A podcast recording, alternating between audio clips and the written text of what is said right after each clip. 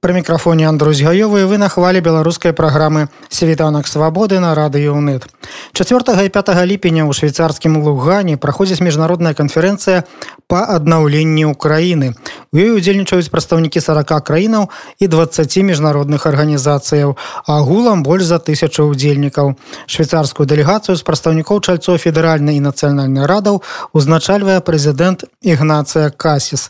Афіцыйная украінская дэлегацыя складаецца з больш як 60 удзельнікаў уключаючы сем міністраў яе кіраўнік прэм'ер-міністр дзяніш шмыгаль сярод замежных удзельнікаў старшыня еўракамісіі урсула фондерляен а таксама не першай асобы але прэм'еры дзяржаў тым ліку польскай літоўскай чэшскай. Нагадаю што з першага ліпеня чэхія узначальвае раду еўросаюзу Расію і Беларусь на гэтую канферэнцыю не запрасілі. З падрабязнасцямі першага дня канферэнцыі наш корэспандэнт у швейцарыі алена прыходька Канферэнцыя пачалася з невялікай затрымкай з выступу прэзідэнта швейцарыі ігнацыя касіса у сваёй кароткай прамове ён адзначыў што шлях выпаў доўгі але ж ніколі не рана гатавацца да моманту калі зброя замаўчыць таму галоўная мэта дзвюх дзён канферэнцыі закласці падмурак для эфектыўнага і празрыстага палітычнага працэсу з дакладнымі крытэрыямі і пэўнымі ролямі і замацаваць рашэнні ў пэўным дакуменце нас всіх у цій залі разом це бажання цей час жаху без безглуздого знищення та горя забезпечте народу України перспективу повернення до життя самовизначення, миру і світло майбутнього. Це довгий шлях, але ніколи не рано готуватися до того часу, коли зброя замовкне.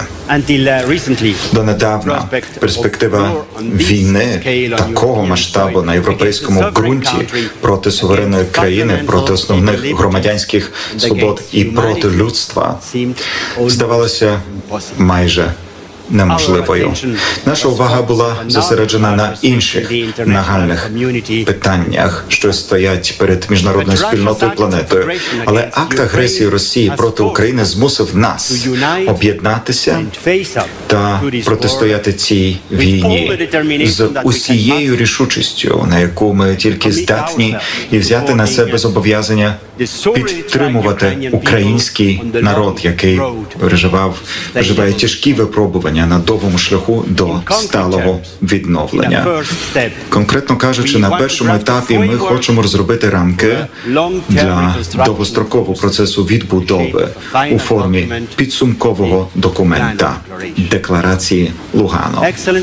Ваше високоповажності, пані та панове, сьогодні і завтра йтиметься про закладання фундаменту для ефективного і прозорого політичного процесу.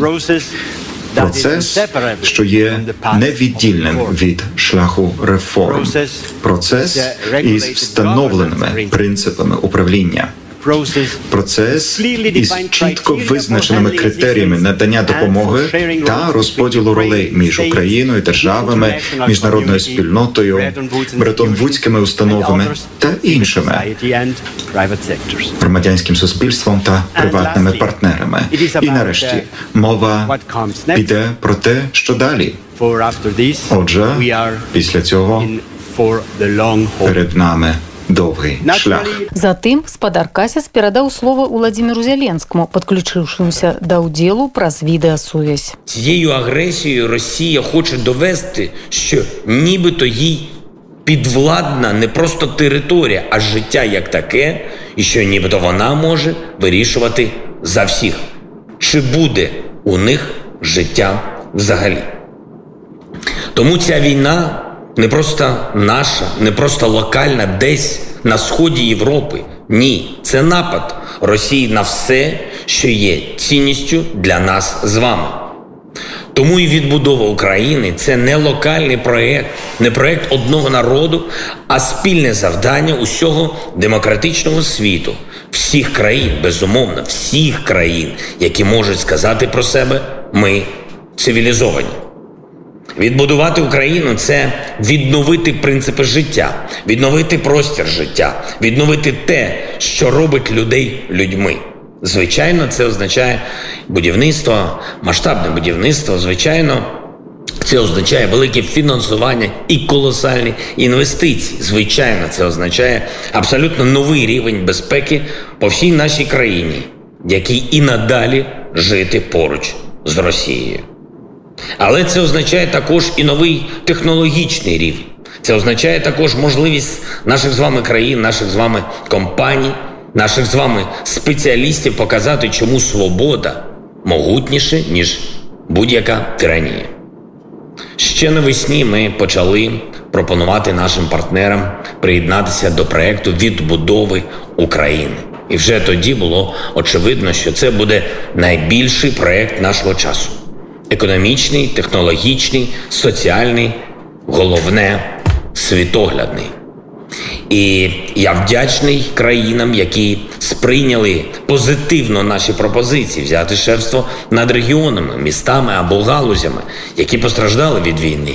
Зокрема, вдячний Данії за готовність стати шефом при відбудові нашого міста Миколаїв, вдячний Британії за інтерес до відбудови Київської області. І так само я запрошую всі країни цивілізованого світу, амбітні компанії та фахівців приєднатися до наших зусиль. Міністр заміжных спраў Великабрытаніі Лі Страс адзначыла, што патрэбны новы план маршала для ўкраіны, якім павінны кіраваць Кіев. Таксама Лондон выказваецца за тэрміновыя інвестыцыі ва ўкраінскую эканоміку і засярэджвае ўвагу на неабходнасці адкрыцця портаў, каб краіна магла экспартаваць сельскагаспадарчую прадукцыю. Прэм'ер-міністр Украіны Дзяніс Шмыгаль у сваём выступе прэзентацыі плана аднаўлення Украіны сказаў, што для гэтага на дадзены момант патрэбны 750 мільярдаў даляраў.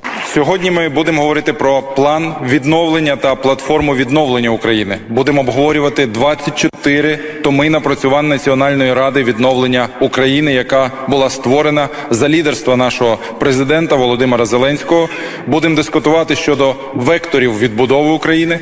Ми вже зробили надзвичайну роботу за 6 тижнів. Понад 3 тисячі українських та міжнародних експертів, посадовців, парламентарів напрацювали тисячі сторінок свого бачення, яку країну ми будуємо, і головне, як, ми будемо відновлювати нашу країну. Ми дивились як на успішні кейси, так і на невдачі. Чому в одних вийшло, а в інших ні? Чи можна скопіювати попередній досвід, які були головні фактори успіху? Ми точно розуміємо, що план відновлення і дорожна карта цього відновлення мають бути готові ще до завершення цієї війни. Звичайно, що цей план може бути скоригований залежно від різних обставин, але його каркас, основа має бути готовий. І ми точно знаємо, що за успішними кейсами відновлення завжди стоять партнери або міжнародні коаліції, які допомагають у такому відновленні. Тому сьогодні ми презентуємо проект нашого плану відбудови саме тут, у Лугано. Нам важливо об'єднати друзів України в усьому світі та сформувати коаліцію відновлення України. Нам важливо показати іноземним урядам, компаніям, що Україна має дуже чітку візію того, як нам стати успішними, стати членом ЄС та здійснити українське економічне диво. План відновлення України розділений на три ключові етапи. Перший це відновлювати тут і зараз те, що можливо і що є критичним для життя людей. У звільненому Чернігові немає води, треба тут і зараз ремонтувати водогон. На Київщині не можна дістатись до тих чи інших сіл. Треба тут і зараз будувати тимчасові мости і переправи. Ця робота вже іде. Ми її зараз фінансуємо коштами з бюджету України. Друга частина це Fast Recovery. Кількість зруйнованих об'єктів, навіть базової інфраструктури, величезна. Одразу після завершення воєнних дій та перемоги України потрібно буде реалізувати тисячі проєктів відбудови відремонтувати школи, лікарні, збудувати тимчасове житло, повернути життя в зруйновані міста і громади. Третій етап цього плану це довгострокова трансформація. Вона стосується всіх сфер, починаючи від освіти, медицини і завершуючи зеленим переходом та новим військово-промисловим комплексом. Люди, економіка, інфраструктура ось три основи відновлення України першапачатковы і бягучы планы павінны складаць адзінае цэлае і ўзмацняць адзін аднаго а сучасная украінская стратэгія будавацца на трох прынцыпах рэформах устойлівасці і аднаўленні апроч палітычных заяваў у планаў на канферэнцыі абмяркоўваліся стратэгіі бізнеса захавання клімату праблемы грамадскіх і гуманітарных арганізацый а таксама лёсы ўцікачоў і нават студэнтаў напрыклад кааліцыя швейцарскіх асацыяцый прапанавала сумесна з еўразвязам і ўсёй міжнароднай супольнасцю узяць на сябе адказнасць і забавязкі каб шукаць рашэнне для неукраінцаў закранутых канфліктам Сёння канферэнцыя працягне сваю працу і па яе заканчэнні будзе прадстаўлена так званая луганская дэкларацыя. Світанак свабоды. Świt wolności.